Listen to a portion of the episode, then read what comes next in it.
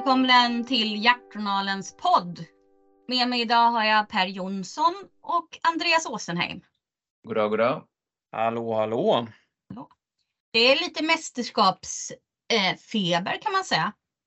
Ja, tävlingsfrossa. Mm. Jag var på älghunds-SM i Norrbotten alldeles i början av oktober. I skogarna kring Älvsbyn och Storforsen. Och det, det var så vackert så att det gjorde ont. Och det var det är alltid otroligt roligt med mästerskapen med superduktiga hundar som kommer och ja. Den som har minst otur vinner brukar det sägas. Så, och så är det ju. Ja, den här gången var det Assar, va? Hette han som vann? Ja, jämthundshanen Assar med Patrik Axelsson från Östsvenska. Och det, det som var lite roligt var att det här var faktiskt Assars tredje jaktprov. Och det ledde alltså till ett SM-guld. Ja, ja just det. Han är liksom inte ens färdig jaktchampion utan Nej. det är ju jävligt fräckt. Ja, och han har inte jagat i, jagar inte under september med Assar heller för att han tyckte att det var för varmt. Så han har i princip bara konditionstränat. Ja, ja. Eh, och, bra gener. Ja, mycket bra. Och eh, vägvisaren som var med, han var otroligt imponerad. Han sa att det är, det är första gången den här säsongen som det står på den här marken. Det har bara varit sken annars. Ja, det är häftigt. Så det var jättekul. Sen hade han ju, han hade ju också konkurrens där ganska kraftig från, vad, vem var det som var tvåa där? Ja, det var Melkers Assi. Eh, som jobbade med en stor 12-taggare hela dagen. Ja, just det. Ja, häftigt där. Svensk mästare bland älghundar. Det är bara att lyfta på hatten för, för en sån hund. Absolut. Ja. Och det, var, det var jättefina hundar givetvis överlag och, och som det är på prov att eh, en del fick ju se medaljerna eller poängen fara iväg med, med skenälgar och så liknande. Men så är det ju tyvärr. Eh, det är ju fina och duk, det är ju duktiga hundar som kommer dit. Det är ju ingen slump. Nej, det är ju, det är ju den yppersta eliten av hundar i Sverige såklart. Mm.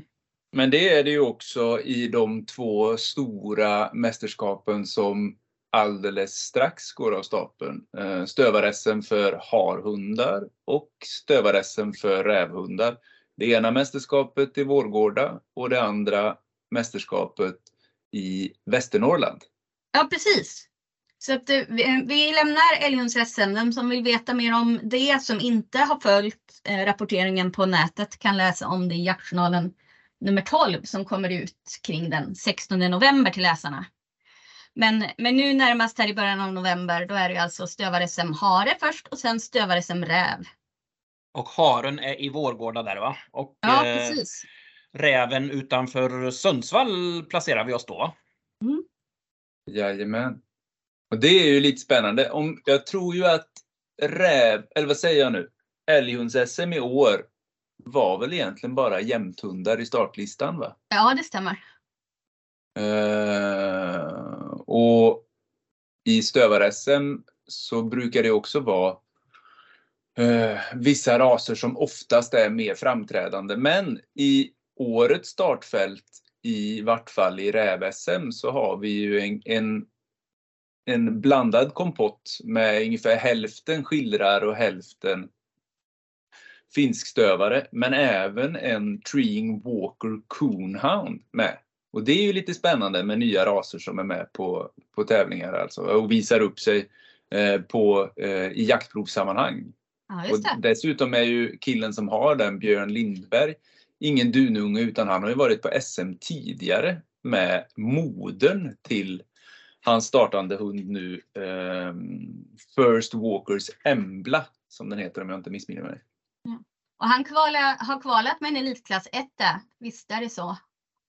Ja, alla hundar eh, på räv-SM kvalar in på sina elitmeriter och det är väl från alla proven som jag har sett i vart fall är också dessutom genomförda här efter årsskiftet. Det blir ju lite konstigt. Vi hade ju räv-SM 2023 gick ju av stapeln i början på februari och nu är vi fortfarande i 2023.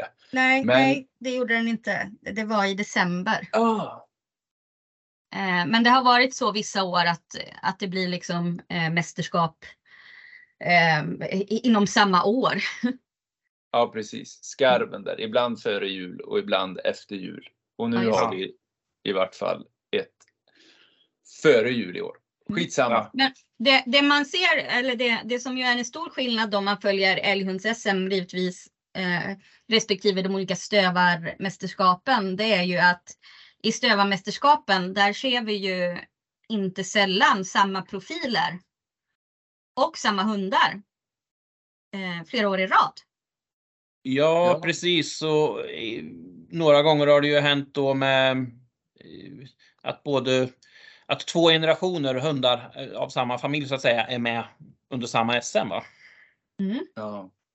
Sen är det ju det är en ganska stor skillnad. Dels är det ju det är färre som startar i Sverige stövare på eh, särskilda rävprov än vad det är som startar sina hundar på harprov och hela egentligen organisationen kring eh, har-SM då påminner mer om eh, kvalsystemet som är i, i vad heter det, älghunds-SM. Alltså där du har klubbmästerskap och DM. Eh, Som man sen går vidare då eh, med, med bästa hunden till, till själva SM-tävlingen. Medan för rävhundar så, så är det de hundarna som har haft bäst meriter på, på elitprov under, under eh, föregående år då, eller föregående säsong.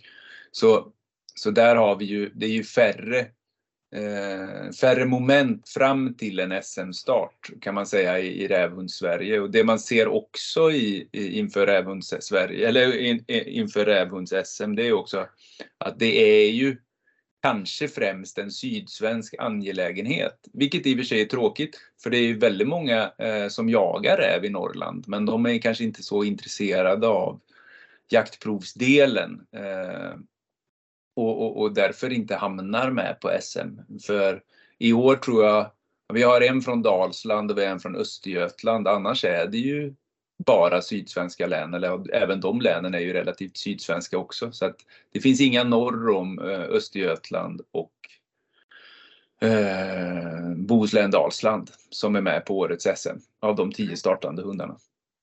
Där, eh, där har vi ju eh, pratat med en eh, god, god Ingemar Larsson. Han, eh, han har ju kvalat till Räve-SM nu för tredje gången med sin Schiller Selin. Eh, och vi, ni ska väl lyssna på en intervju vi har gjort med honom lite längre fram och eh, Ingemar hör inte så bra så det, det blev en liten utmaning med ljudet men, men jag hoppas att det, att det går att lyssna på ändå. Absolut. Och dessutom eh, så har vi också en, eh, ja, en rutinerad får man säga eh, harjägare med oss. Va? Ja, det är inte ont om rutin eh, eh, vad det gäller harstövarna heller. Och då vi pratat med Ja- Jan-Olof Strömgren från Västerbotten som också är till SM för andra året i rad med Långsjölidens Jack. Just det. Och dessutom har han ju varit med, var det 2000 där kring sekel eller, eller sen millennieskiftet där han var med med sin 2002. tidigare hund va? Med Ja, han- Lorden. Han säger 2002 och Erling Busch som då är ordförande här i Västsvenska stövarklubben som arrangerar har- SM. Han säger att det var 2003 som det var i Ulricehamn. Så att, eh, de är inte ens om årtalen men de är både ensamma att han var där och tog en bronsmedalj. Ja. Och det Precis. kanske är det viktiga.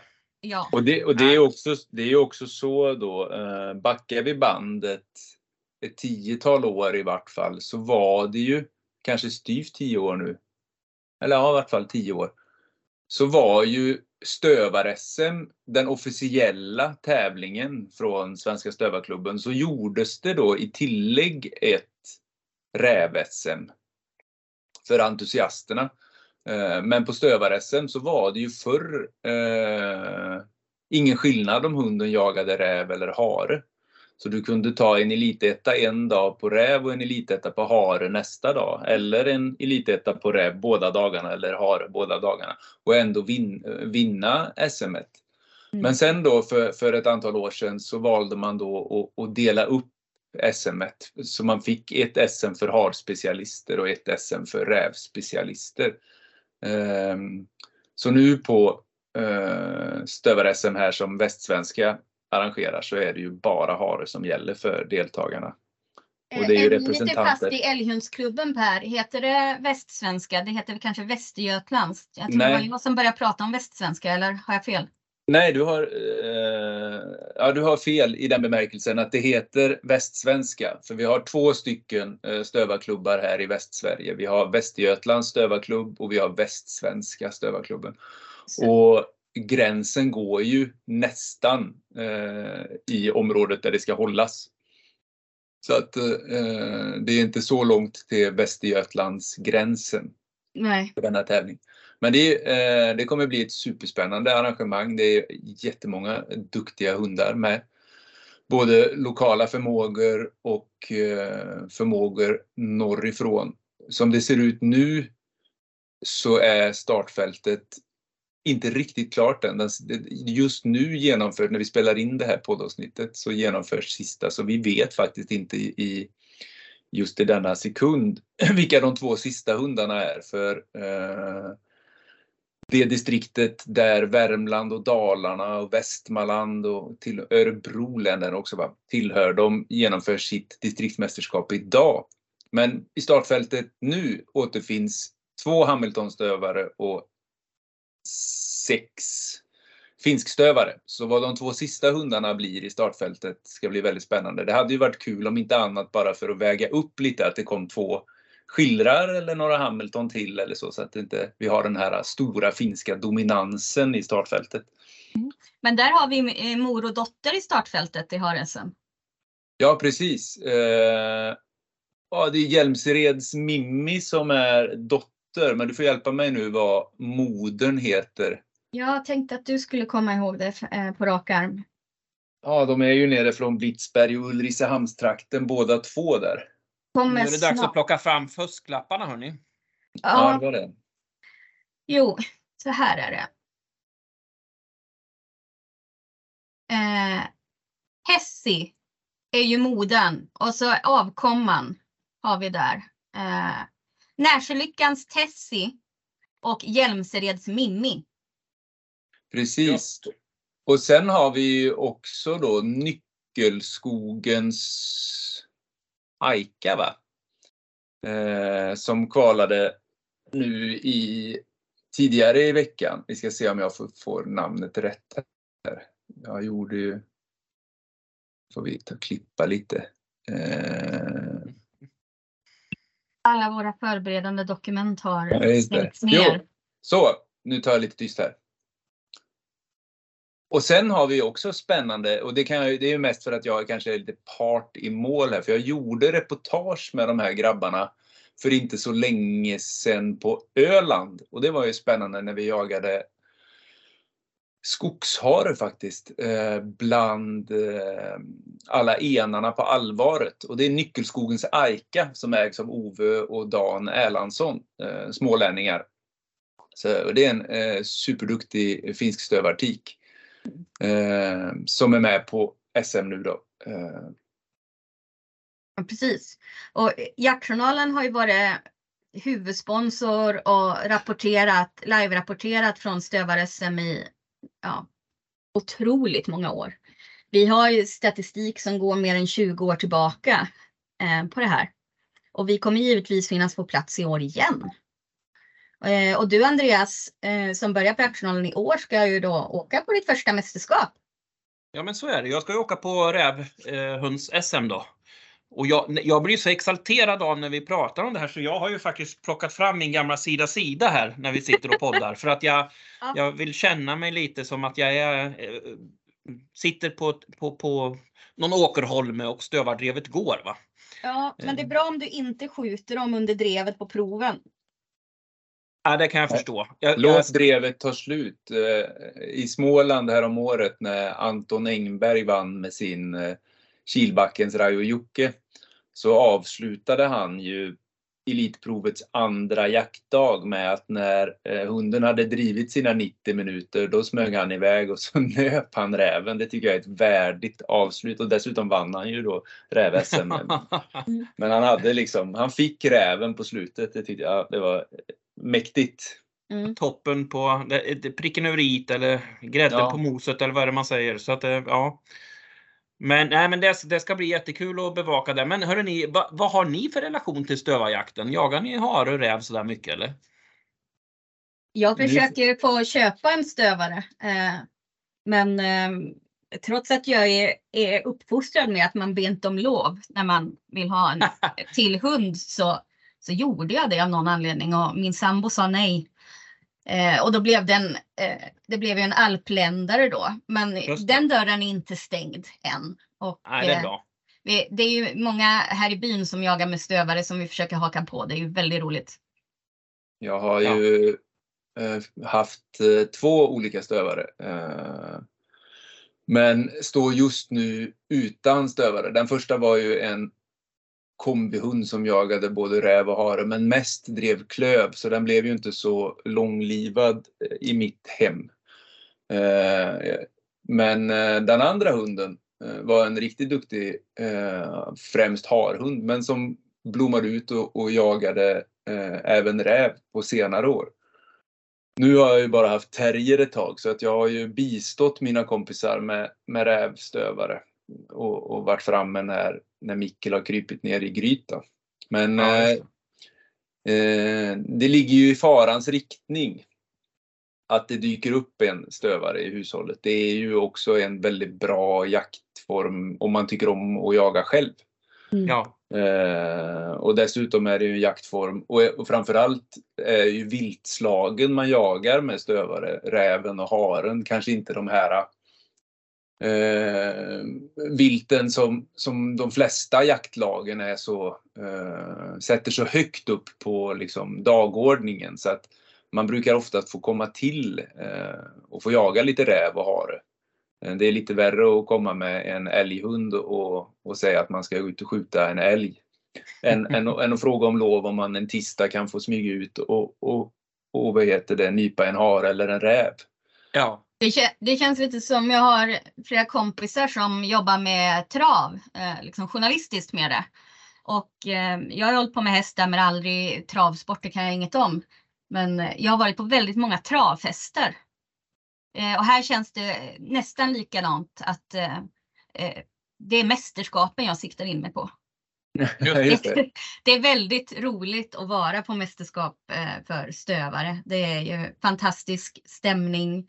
Eh, Folk är glada. Alla är ju extremt kunniga och entusiaster och det är liksom. eh, Det är ju. Ja, om jag var sugen på stövare innan varje gång jag varit på ett SM så kommer jag hem och skriker om hur många olika stövare vi ska köpa. Det är ju ganska bra att ha, ett, att ha de här mästerskapen i bakhuvudet när man väl sen ska börja titta i stamtavlor och börja klura på vilka linjer eller vilka parningar som, som är intressanta. För det är ju klart att det är ju de allra mest flitiga eh, och duktiga som kanske kommer till ett SM. Eh, Mm. Så, så där, det finns ju någonting hos de hundarna som, som gör dem till goda jakthundar. Mm. Så att börja där är ju, är ju inte en helt dum idé när man ska, när man ska leta egna potentiella jaktkamrater. ja, Framöver. just det. Du själv då Andreas, du tar ju gärna fram hagelbössan har jag förstått. Ja, så är det. Men alltså, jag, jagar, jag ska vara ärlig och säga att jag jagar ju inte så mycket med stövare som jag skulle vilja. Eh, Men jag har min jaktkompis här som eh, han har eh, stövare och vi jagar i alla fall lite hare varje år med dem. Och varje gång är det lika kul tycker jag. Mm. Men du har ju ändå ägt en mästerskapshund. Om än icke en stövare. Ja, en beagle. Så det, och det är ju i grund och botten en harhund. Men min jagade ju bara rådjur. Så det, han var ju renodlad re- rådjursspecialist. Så, eh, han var väl inte som man skulle på den punkten. Men, men eh, förvisso en otroligt duktig rådjurshund.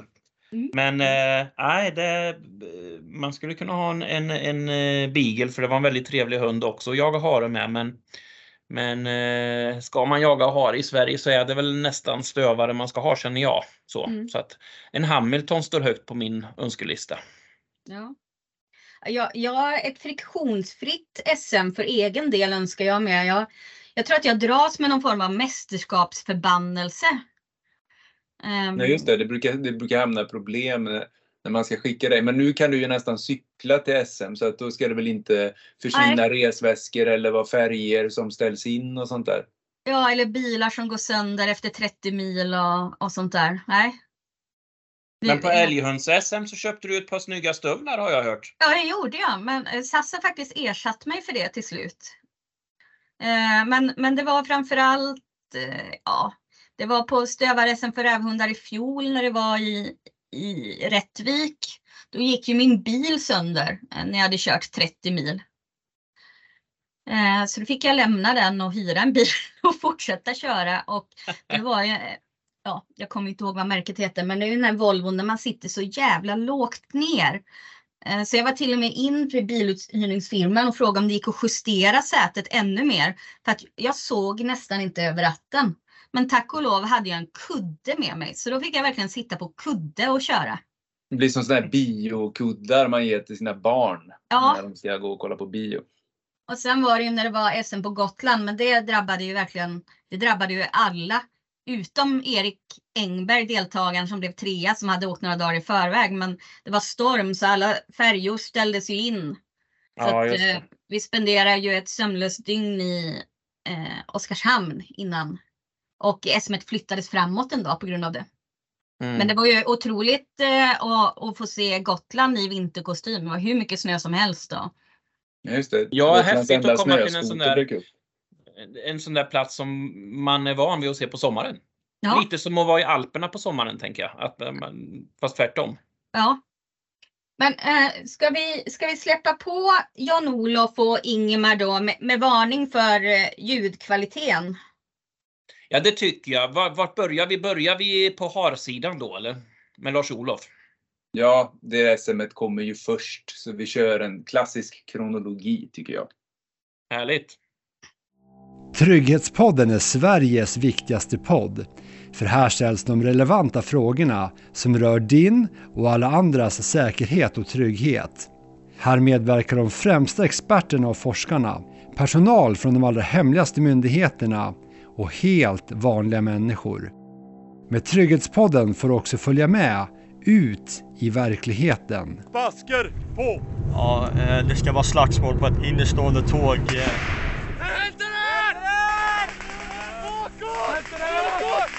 Hör alla avsnitt av Trygghetspodden och se bilder och videor på trygghetspodden.se.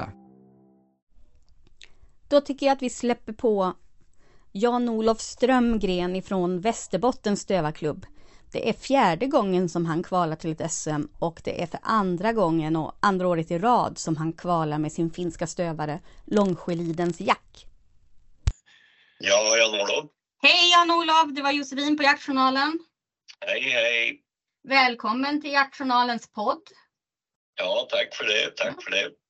Ehm, du sitter här med, på länk har jag med kollega Per Jonsson och kollega Andreas Åsenheim. Hej, hej. Hallå, hallå. Hej, hej. Och vi vill ju prata med dig eftersom du har kvalat till eh, stövar för harhundar i år. Ja. Och dessutom är det andra året i rad som du kvalar med samma hund. Långsjölidens Jack. Det stämmer. Åtta år i finstövare. Stämmer också. Mm. Och sen eh, går ju ryktet på stan att det här är ditt fjärde SM. Ja, till och med det stämmer. Ja. Det är helt riktigt. Det mm. var ju ett 2000 och 2002, mina två första. Och det var med Ångermanbalens Lord. Spännande. Det var, det var ju på den tiden eh, man både kunde jaga räve och hare på SM ju. Ja, det var, det var, så var det ja. Men eh, jag har eh, mina stövare, det är min äldste stövare nu med Jack genom livet.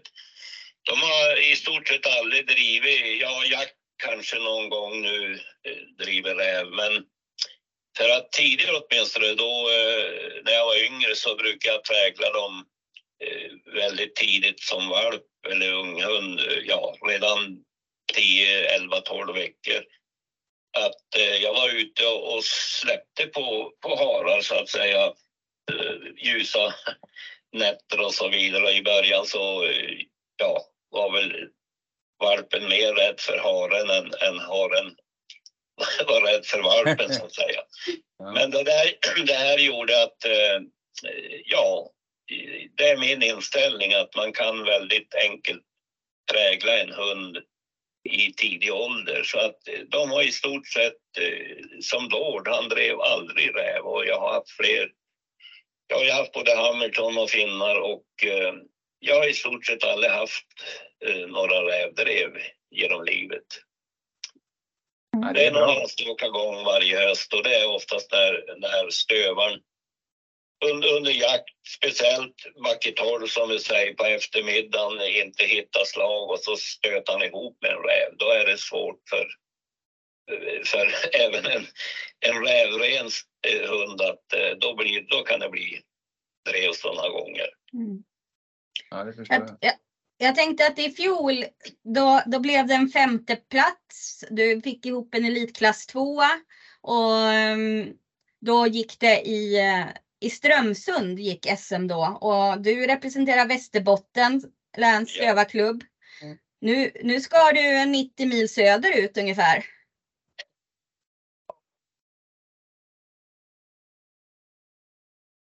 Försvann du?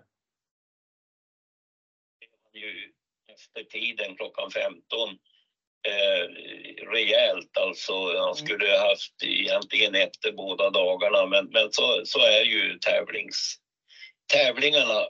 Att, eh, nej men det var, vi hade lite otur att eh, han tog upp väldigt sent så att säga. Eh, när vi var eh, vi, 2002 så var vi i Ulricehamn och jag menar det är väl, det är väl bara några mil mellan Vårgårda och och eh, ja, det var, ju, det var ju lite skillnad då. Jag förmodar att det är ännu större skillnad idag. För jag Ja, har för mig att båda de dagarna så drev Ångermanbalens Lord eh, inte fälthare och det är väl vad vi kallar mo, mohare där nere, kanske inte svensk hare. Eh, men eh, som Josefin, som du sa igår så så, så eh, jag tror själv också att eh, fältharen har väl brett ut sig ännu mer. Så att idag ska man väl ha tur att få tag i en mohare kanske. Ja, jag, Ja. jag sa till dig igår att eh, jag har bott tre år i Vårgårda och jag tror att jag har sett svenskhare en gång på de tre åren. Ja, Eh, sen finns det ju fler än de jag har sett givetvis, men sannolikhet, sannolikheten för fälthare är ju hög. Ja det, är- det är som jag tror att, att från, eh, det har ju gått nu alltså 21 år sedan vi var eh, där nere och eh, fältharen har väl säkert ut, brett ut sig ännu mer så att säga idag än vad det var då. Och den konkurrerar, den, kon, den konkurrerar ju ut eh, skogsharen eh, dessvärre. Eller hybridiserar och på så sätt konkurrerar ut skogsharen. Ja. Eh, men det är ju ganska gott om fälthare så att är hunden, är hunden något sånär eh, god till att driva väg så, så kan man ju få fina drev på, på fälthare eh, såklart. Men jag tror ju att provrutorna är förlagda så, så att det finns i vart fall en förhoppning om att kunna hitta. Det är ju lite tassemarker öster om Vårgårda med fina skogar. Så att eh, det finns nog en förhoppning hos vägvisarna att man ska kunna hitta, hitta skogshare och sen till eh, andra drevet på dagen om man vill eh, plussa på sina egenskapspoäng så kan man kanske röra sig ut i det mer brutna landskapet och få fart på en fälthare. Då.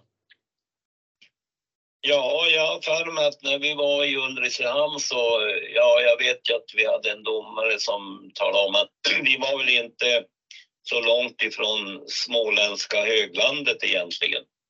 Eh, och jag tyckte det var hyfsat eh, bra provrutor vi, vi fick den gången i alla fall. Mm. Så att, eh, nej men det, det är klart, det, det blir en helt annan miljö och ja, jag vet inte som människa om, om det skild, om, om de luktar annorlunda eller men framförallt så beter de sig väldigt annorlunda och det är klart att en hund som är åtta år, han, ja, som har tampats med, med våra svenskharar här uppe så kanske det blir lite annorlunda. Ja, Men eh, då när det gäller vägspringning så är det väl så att det är väl idag så kan man ju inte eh, tävla med en hund på högsta nivå om de inte är hyfsat bra på väg faktiskt. nej. Nej. Men han har aldrig stött på en, eh, en fälthare va, Jack? Nej, det har han ju inte gjort. Vi har aldrig varit, varit längre söderut än till Strömsund och det är inte så långt från där jag, där jag sitter idag. Det, det var väl, det är väl 20-tal mil. Ja. Vad tror du han som- tycker om vildsvin då, om det dyker upp? Ja, det är, det är det man vet att det, det finns många andra djurslag som inte vi har, har här uppe och eh, ja, det, det, det får väl se vad som händer om, om det inträffar. Och sen är det väl också så att vi har ju, eller det krävs ju RR idag på alla eh, tävlingshundar. Men eh, jag tror ju ändå att eh, chansen att stöta på rådjur här uppe fortfarande är ju betydligt lägre än, än nere hos er. Va? Att ni har mer. Jag vet ju när vi var nere för 21 år sedan med Ångermanbarnens Lord, då åkte vi ner några dagar före och var ute och fya på rådjur på morgnarna eh, med, i koppel så att säga med hunden. Men det stod ju hela drösar ibland ute på åkrarna med rådjur och då hade Ångerman Bollslår hade knappt sett ett rådjur här uppe. Hur gick det då? Ja, det gick bra. vi, vi- tog ju ett, ett brons i alla fall så att eh, det vart ju då inga rådjursdrev och, och eh, nu har ju rådjuret, det finns ju gott om dem här uppe också men jag kan tänka mig att det ändå är betydligt fler nere på era breddgrader. Ja. Vad är det som är roligt med att tävla i stövarjakt? För du, det får man väl ändå säga att du Eh, tycker är kul med tanke på de tidigare SM-deltagandet och sådär. Och att du, för att ens komma till SM så ska man ju liksom igenom nålsögat med både klubbmästerskap och distriktsmästerskap och sådär. Ja, alltså idag är det ju betydligt enklare. Det har ju varit väldigt tufft här uppe och jag, jag tror liksom lik förbaskat att vi har haft det genom tiderna mycket svårare att ta oss till, till mästerskapen för att när jag tävlade med Ångermanbalens Lord för 20 år sedan då, då var vi då var det mellan 50 och 60 hundar i Västerbotten på klubbmästerskapen. Och då var det ju motsvarande i Norrbotten för distrikt 1 är ju Norrbotten, Västerbotten. Och då var det vinna eller försvinna. Eh, det, alltså det var uppdelat på tre platser då så det blev 20-25 på varje. Men på, på varje så att säga, startplats så var det bara vinnaren som gick vidare till DM. Så att av 20, mellan 20 och 25 hundar så, och det lyckas Lord med sju gånger, ta sig till DM. va. Och, och eh, idag så är det ju betydligt färre. För fyra år sedan hade vi 25 i Västerbotten. I år var det bara 13 va. Och eh, något motsvarande i Norrbotten. Så att, eh, men jag började väldigt tidigt. Jag blev jaktprovsdomare när jag var 24 år 1972 och eh, men samtidigt så har man ju, ja, alltså när man var yngre så var det ju det var ju harjakt och som, då räknar man hur duktig hund var, hur många harar man hade skjutit.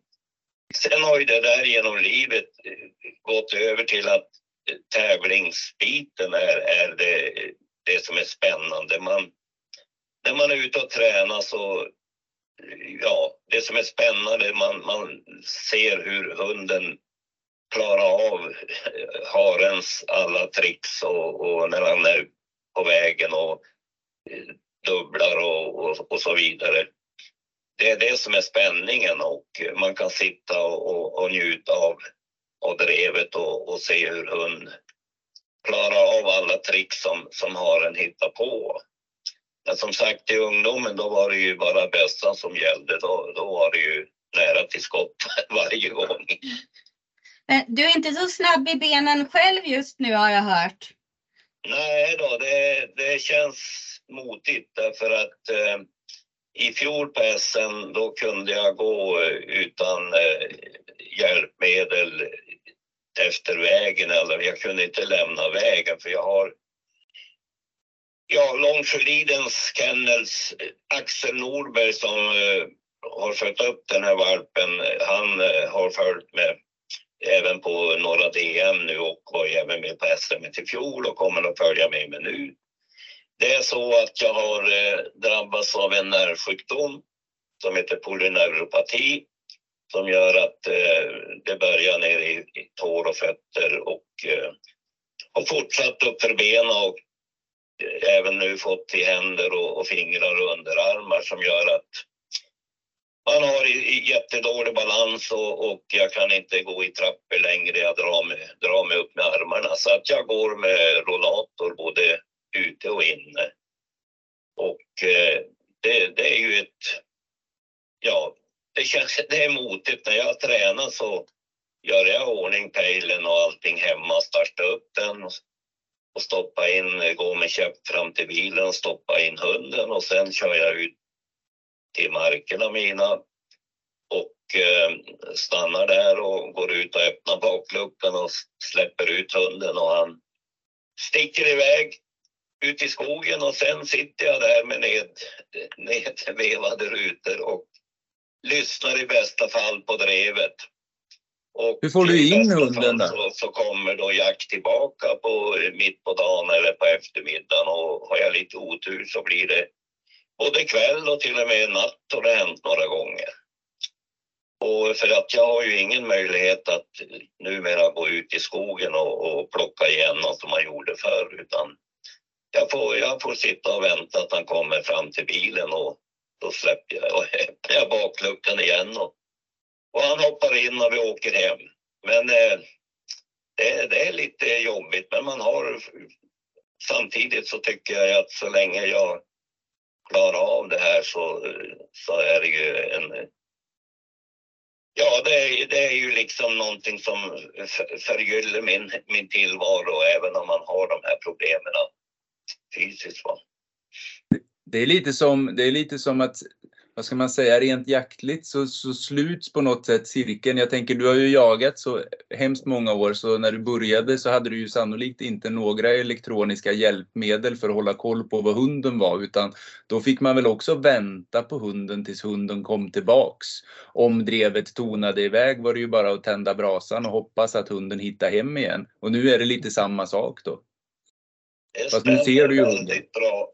Man hade ju, det var bra tag längre fram innan eh, SwePoint Svepoint hade jobbat. och eh, man hade ingen pejl och, och, man satt där, speciellt om man kanske hade en ung hund. Man hade ingen aning om var han var och, liksom och kanske hade, ja det var jobbigt att eh, han gick på slag i många timmar och man hade inte en susning av, av var hunden var förrän man hörde upptaget så att säga. Och ibland var det bara någon hundratal meter bakom ryggen och ibland så var det jättelångt borta. Så att eh, det, det, det stämmer precis. Att man är tillbaka till ruta, ruta noll kan man säga, ruta ett. Men jag, jag tänker om eh, Långsjölidens Jack nu då som ska till SM för andra gången, finsk stövare. Du har haft Hamilton också. Vi tappar dig lite nu. Du, det... Eh, gjorde henne till champion. Det var, den köpte jag. Jag har ju levt och, tidigare och jobbat uppe i Skellefteå i 35 år. Jag köpte den av, av eh, ja det var Herrkilas, Lennart, eh, Lennart eh, nu tappade jag namnet. Kjell Lennartsson? Eh, Lennart Davidsson. Davidsson. Hon kom med flyget upp till Skellefteå. Hon hette Härkila Svippan 2 men jag kallar henne för Spana. Och sen vart det, vart det då Hamilton och där tog jag fram två, två champions, eh, Vitbergs King och eh, en hund som heter Tinto. Och, men jag hade fyra, fyra Hamilton och sedan har jag då haft fem finstövare och det var då Ångermanbolens Lord som jag tog fram till champion och Jack. Så att jag har tagit fram sex champion genom livet så att ja, Men Så är, läget. är det eh, Hamilton kontra finstövare där? Vad, vad har du för åsikter om det? Den här kategorin som är helt öppen. Jag säger att en duktig hund, det spelar inget, ingen roll vilket märke, vilken ras det är på den. Om det är en Luzern eller om det är en Smålandsstövare eller Hamilton eller pinne. Utan det var en ren slump. Jag började med jag började med en drever för jag trodde det skulle vara lättare om man bodde i lägenhet i Skellefteå och, och det kanske det var att eh, ha henne så att säga in, inomhus. Va? Och sen blev det då eh, våran svenska ras Hamilton och sen av en slump så eh, här i byn där jag bor så eh, levde då eh, André Linder med Ångermanbalens kennel. Och han, över- vi var kompisar från barndomen och han övertalade mig att ta en valp och det gjorde jag. Och det blev min bästa hund hittills, Ångermanvalens lår, Det var en sjujäkel till hund. Han blev champion när han var 18 månader och var i sitt första DM före två års ålder. Och han var sen i sju DM och två SM och ett nordiskt mästerskap i Finland. Så att eh, på den vägen har det varit. Jag har ingen som helst, eh, jag vet att det finns många jägare som håller hårt på sin ras. Att, eh, men så är icke jag. En duktig stövare spelar ingen roll, tycker jag, vilken ras det är på den. Men då är är det som- frågan, vad är en duktig stövare? Alltså när man startar på ett jaktprov så är det ju en mängd olika egenskaper som bedöms och, och, och kikas på. Men om du skulle liksom koka ner det, vilka, vilka egenskaper håller du främst? Eh, är det skallet eller är det slagarbete, drev, eh, drevkvaliteten eller vad, vad, vad är det du liksom, vad blir, vad, vad blir du varmast av i kroppen när, när jycken jagar? Ja, för det första så är det så att jag har alltid vurmat för tidig jakt. För det är nämligen, det är många då belackare som menar att en hund som börjar tidigt, han blir lös och börjar när han redan är i 5-6 års åldern och det säger jag, det är bara struntprat. Utan eh, tidig jakt, det innebär att eh, en, ett hundliv är så pass kort och det är så att de bästa hundar jag har haft genom livet, det är just hundar med tidig jakt. De har börjat driva när de har varit fyra, fem månader. Och eh, ja, ja, det är så många egenskaper som, eh, som, som finns och speciellt som man bedömer på ett jaktprov och som man inte gör när man bara jagar så att säga. Utan då, då gäller det ju att hunden kan hålla, hålla hålla, hålla i och hålla reda på haren så att säga så länge som möjligt. Men det är klart att eh, själva skallet, att, att hörbarhet, att man hör hunden långt och att hunden nyanserar på ett bra sätt så att man vet hur långt efter haren han är, om han är en minut eller om han är sju minuter efter. Det tycker jag är, är viktiga saker. Och, och, eh, men som sagt, det, det, det är väldigt svårt att, att peka på någonting speciellt. Utan som jag säger, en duktig hund, han, han ska ju kunna hålla reda på haren eh, under under en, en längre tid. Va? Och eh, haren gör... Idag så finns det ju skogsbilvägar överallt. Även kanske inte så många som det finns nere hos er, va? Men, men det är tillräckligt många här uppe. Så att det första en hund måste lära sig ordentligt det är att kunna hålla reda på haren efter vägen. Och, och eh, det kan man ju delvis hjälpa till med i ungdomsstadiet så att säga. Eh, men vissa hundar de har liksom, de är lillgammal som vi säger, som till exempel lådan han, kunde det där utan att behöva någon hjälp. Man var, när man såg hur han, hur han klarade vägen redan när han var en fem, sex, sju månader så man, man nästan fällde en tår för att det var nästan overkligt. Mm. Och, och Jack har väl varit lite grann av det också, men inte alls ändå i närheten av, av Ångermanbalens låd, för det, det var verkligen en stjärna. Man brukar säga att i bästa fall får, får man en hund, en, en sån duktig hund un, under sitt liv. va. Jag brukar säga att, att få, en, få en hund som Ångermanbalen slår, det är kanske vart tionde liv.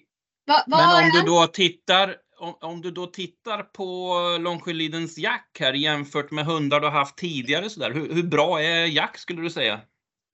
Han, han är nummer två, så att eh, det är en väldigt duktig hund. Men som sagt, eh, Ångermanbalen slår han var någonting utöver det vanliga. Så att eh, det, det, det kommer man inte upp till. Men jag tycker det räcker gott och väl med att han är nummer två. Inför SM här nu då, hur kommer det gå för, eh, för din hund? Och dig? Ja, det är ju ett lotteri. Det, det vet man ju aldrig. Det finns, av de, de här tio hundarna har ju kvalat in på motsvarande sätt. Mer eller mindre svårt så att säga har det varit. Jo, men nu måste du svara på våran sportfråga och säga vilken plats du hamnar på, även om det givetvis är Ja, en jag gissning. siktar ju, jag siktar ju på eh, medaljplats i alla fall. Men vi, vi önskar dig stort lycka till och eh, Per och mig får du träffa i Vårgårda också, vare sig du vill eller inte. Ja, men det blir säkert jättekul. Det är kul att du var med. Ja, jag får tacka så mycket för, för Ja, att lycka till. och intervjua. Snäck och bräck. Topp, Okej. topp! Hej! Hej. Hej. Hej. Ja, det var roligt att prata med Jan-Olof. Det hade vi kunnat göra ganska länge till. Men vi ska ju också prata med Ingemar Larsson som har kvalat in till Stövar-SM för rävhundar med sin Schillertik Celine. Och det är alltså tredje gången som de är med i SM tillsammans. Just det. Nu går vi från hare till räv. Ja, håll i hatten. Ja, välkommen till våran podd Ingmar. Tackar, tackar. Du har kvalat till eh, SM för rävstövare för andra året i rad med Celine och det är väl tredje gången som ni drar på SM tillsammans, förstår jag. Jajamän. Det blir tredje gången på året. Ja, Ja. på, eh, på SM i, i fjol så träffades vi och då sa du att man har aldrig en tråkig dag i skogen med Celine. Nej du, samma nu faktiskt. Och nu, nu börjar jag få blåset här nu så att eh, får det bara gå ett par tre dagar på raken så går det som bäst. Ja, Ja. och i, i, Så det är liksom, det är riktigt bra nu. Så att säga. Och det är inte bra riktigt. Jag tycker det är liksom, det är bättre att det går sämre innan ett, eh, ja, när man åker på sånt här då för att då eh, brukar det flyta på bättre tycker jag. Jag vet inte det. Det var ju som samma som att de ledde första dagen nu då sist och sen ja, gick det tällskotta dagen efter istället då. Och det, jag vet inte, det är kanske jag som är dum. Har du koll på vad det är för väder där uppe? Tror du att det blir snöjakt eller har ni barmark? Det har varit lite från och till där uppe nu då, så att eh, det finns ju risken att det kan bli det med natur. Jag säger det tur och tack vare det att eh, då slipper man ju detta. Skulle det jävlas, det bästa är när man ser räven det är klart, men just att det går ju att år då va. Och det är lite, eh, det gör så mycket provmässigt att det kan spåra av och se, eller domare kan se då vad det är för något liksom, eller då är det ingen tvekan om det i alla fall. Så jag ger det ju bättre då om man ser räven en eller två, tre gånger om dagen då. Har du koll på, din, har, har du koll på dina, dina konkurrenter? eh, jag har hemskt dåligt i år. Vi har inte fått reda på, på det än. Eller också är det bara jag som inte har fått reda på eller sett det. då. Det, det brukar ju komma ut annars då, men eh, jag vet inte vilka hundar det är. Så. Vad, vad är Celines förtjänster? Ja, jag ska säga det. Hon har allt. Och vad, Ja. vad är allt? Ja, det, det som behövs för att vara en bra rävhund har du verkligen. Alltså det, ja, det har inte förklarat på med söket och upptagningsförmåga och drevet. Eller, ja, nu- i år framförallt så har du fått rävar till bukta så fruktansvärt bra. Eller det bara är för att, jag vet inte varför, men eh, de har gått himla fint. Och många drev på två, tre tre och en halv timme. Men vad är det för otur hon måste haft då? På alltså om hon nu är så bra så måste hon ju haft en jäkla otur de tre gångerna du har varit på SM fram tills nu då. Vad var det som sprack då? då? Ja.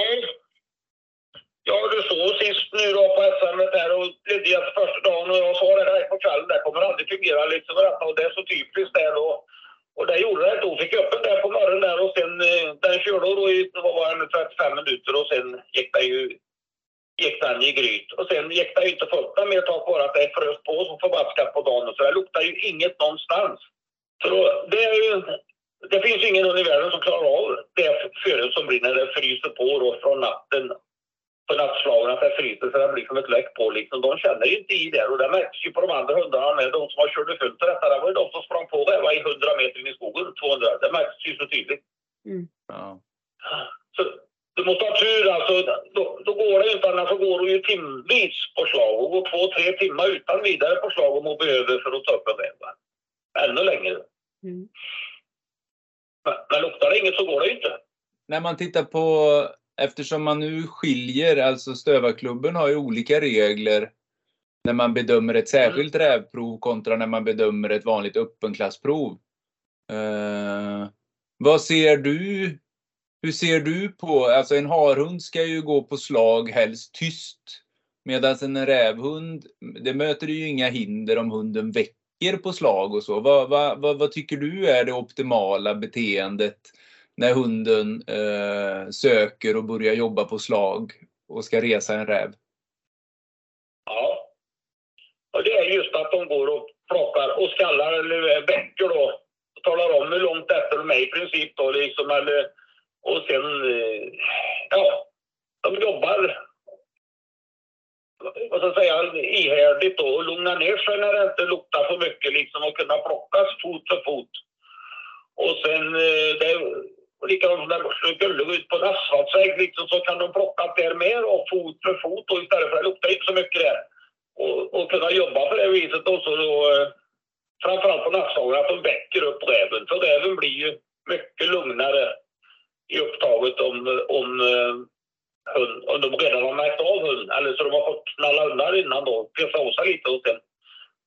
Det fungerar bäst än att hunden hoppar på dem i lega i princip då. Hur Är det, är det skiller som gäller för dig eller? Ja, det är det nu. Jag har ju finne också. Har vi ju då ett par stycken. Och det är ju... Ja, jag har gått tillbaka till skillen för jag tycker skillen är lite roligare på det viset. Tack vare att han, den väcker ju oftast i alla fall då. Finnen är ju mer hårdare då. De, eh, de väcker, det finns finnar som väcker mycket också. Men just att eh, du har större chans att få en skiller som, som väcker. Så, det- och det, då, då vet man att eh, nu har du en helt annat slag liksom då. Den, ja, den höll ju då när hunden satt upp. Man, man hör ju ofta, man hör ju ofta, vad heter det, och jag har ju kompisar som, som far till Norrland och, och, och, och jagar räv, men att det blir ofta större bukter och, och, och mer, eh, vad ska man säga, det, det, det spikar ur området på ett helt annat sätt än, än här hemma i, i Västra Götaland där både jag och du bor. Vad, har du erfarenhet av jakt efter räv i, i, i Norrland?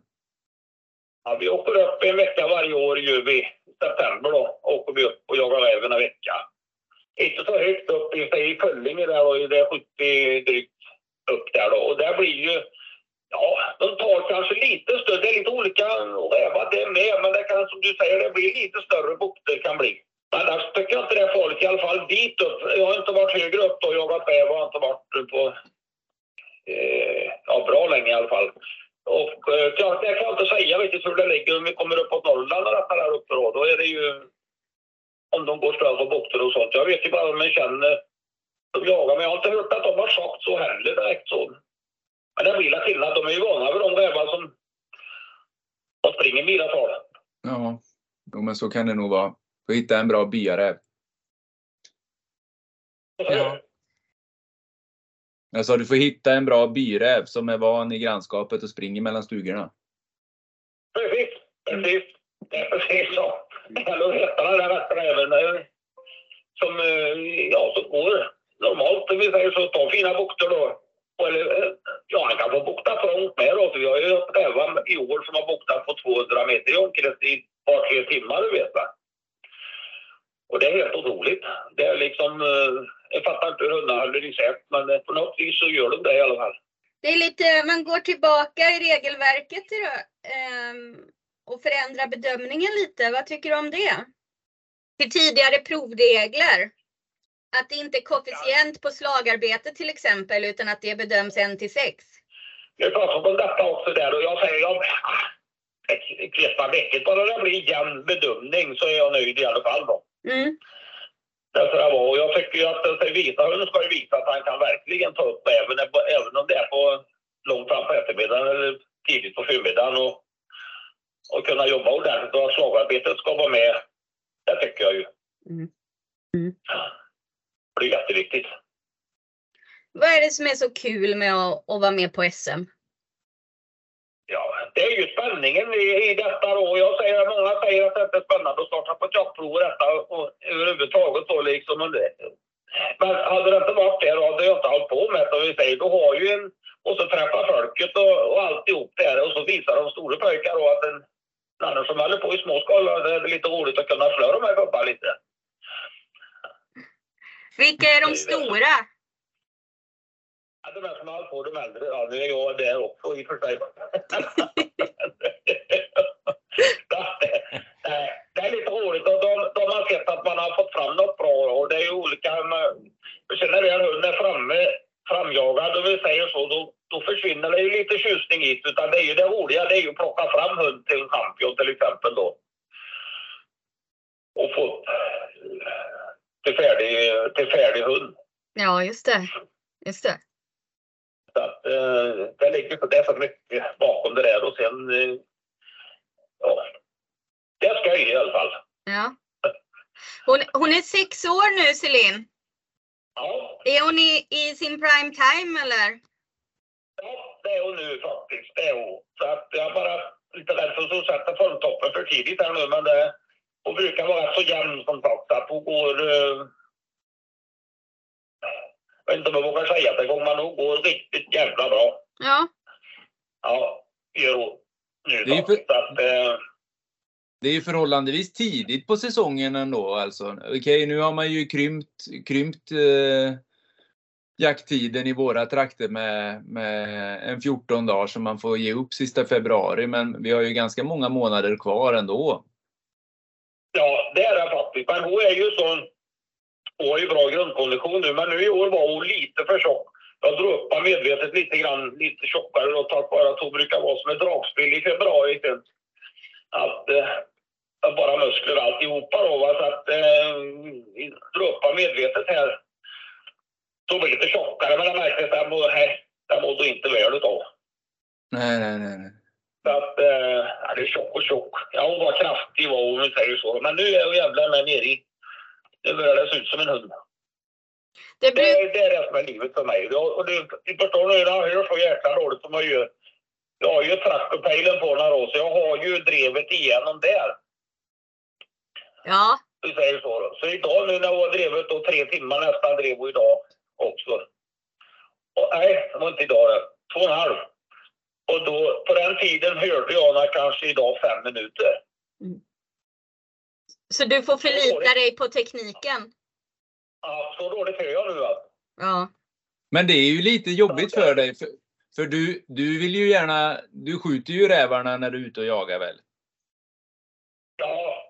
Ja, vet jag. Och det är ju det jag, som den här räven idag, han klarade. Då kappade jag efter två och en halv timme och gick ut på, sig på en där som jag inte ville. Han hade varit ute där två gånger förut, men då sa jag, vi kapplar nu. Och jag är lika glad för det, för att då, den räven har den ju till nästa gång. Ja, ja, ja, precis. Men jag tänker det är, ju, det är ju lite problematiskt måste det ju vara om du börjar höra dåligt så du inte hör drevet. Just med tanke på nyanseringen på, på, på Celine och hur, hur nära räven hon ligger så man vet om man behöver osäkra eller inte. Ja, är jag så får det för mig, då, då lägger jag telefonen på backen. Framför mig. Ja, ja, ja, ja. Gör så att man kikar ner och ser om det är på väg och sen när hon kommer så pass nära då, det är alltså så att en höna då, ja då är jag och redan har stuckit förbi för sig, men just att du har koll på den vägen då, för då kan du göra ett sneglande och bara kan räcka till för att det är för sent att skjuta räven upp. Men, men det kommer mig inte så. Nej. Det är inte farligt, utan det är just att det blir ju... Det vill ju höra ett drev, det är ju det som är livet liksom, att höra en hund driva liksom, det är ju det som är nu, nu är det i och för sig eh, stövarjakt eh, som är på tapeten, men jag vet ju att du gillar att gräva i jordhögar också. Och då är ju frågan, om du har ett drev, skjuter du helst drevräven eller skjuter du helst sprängräven med en av dina terriers? det kvittar mycket, om vi säger så. Men ja, idag ser man så att jag har lugnat ner mig betydligt med detta med grytjakterna. Liksom detta. Jag har ju tre, vi har tre stycken här som, vi går, som går i gryt. Och det är vissa marker som tycker då att då ska, räven ska skjutas till varje pris då, om vi säger så. Då har jag ju tagit med färgen. Och, eh, men jag ser ju hellre du får skjuta en räv på drev efter ett par timmars fint drev och så skjuta räven sen på, det, på drevet, då är det faktiskt, eh, det har ju gått över dit. Så det tycker jag är roligare att skjuta på drev än, äh, än i gryt då. Men det är spännande det med. Men du har blivit så gammal i gamet att du kan lyfta på hatten åt räven om den kilar ner under jord nu för tiden? Absolut. Och vi har en, eh, den ene jag träffade ju du där, den HB71, den är ju 12 år nu va. Han säger han kör ut 8 utav 10 rävar ungefär kör han ut och han är lagom bra. Han tar inga ska, större skada i alla fall heller. Utan den dagen han inte får ut räven och bara får lufta på hatten precis som du går därifrån. Vi, vi, vi önskar dig eh, stort lycka till eh, i denna hårda konkurrens. Och så får du köra försiktigt upp till Västernorrland. Det får vi göra. Det får vi göra. Tack så jättemycket för detta. Tack. Tack, Det- tack. Ja men det gör vi. Tack så mycket Ingmar. Vi hörs av. Får vi får ut allt på detta för att det är bedrövligt, men så är det. Det får vi, absolut. Ja, det var roligt att höra från både Jan-Olof och Ingemar. Eh, och jag ber om ursäkt om vi har skrikit mycket i öronen på er.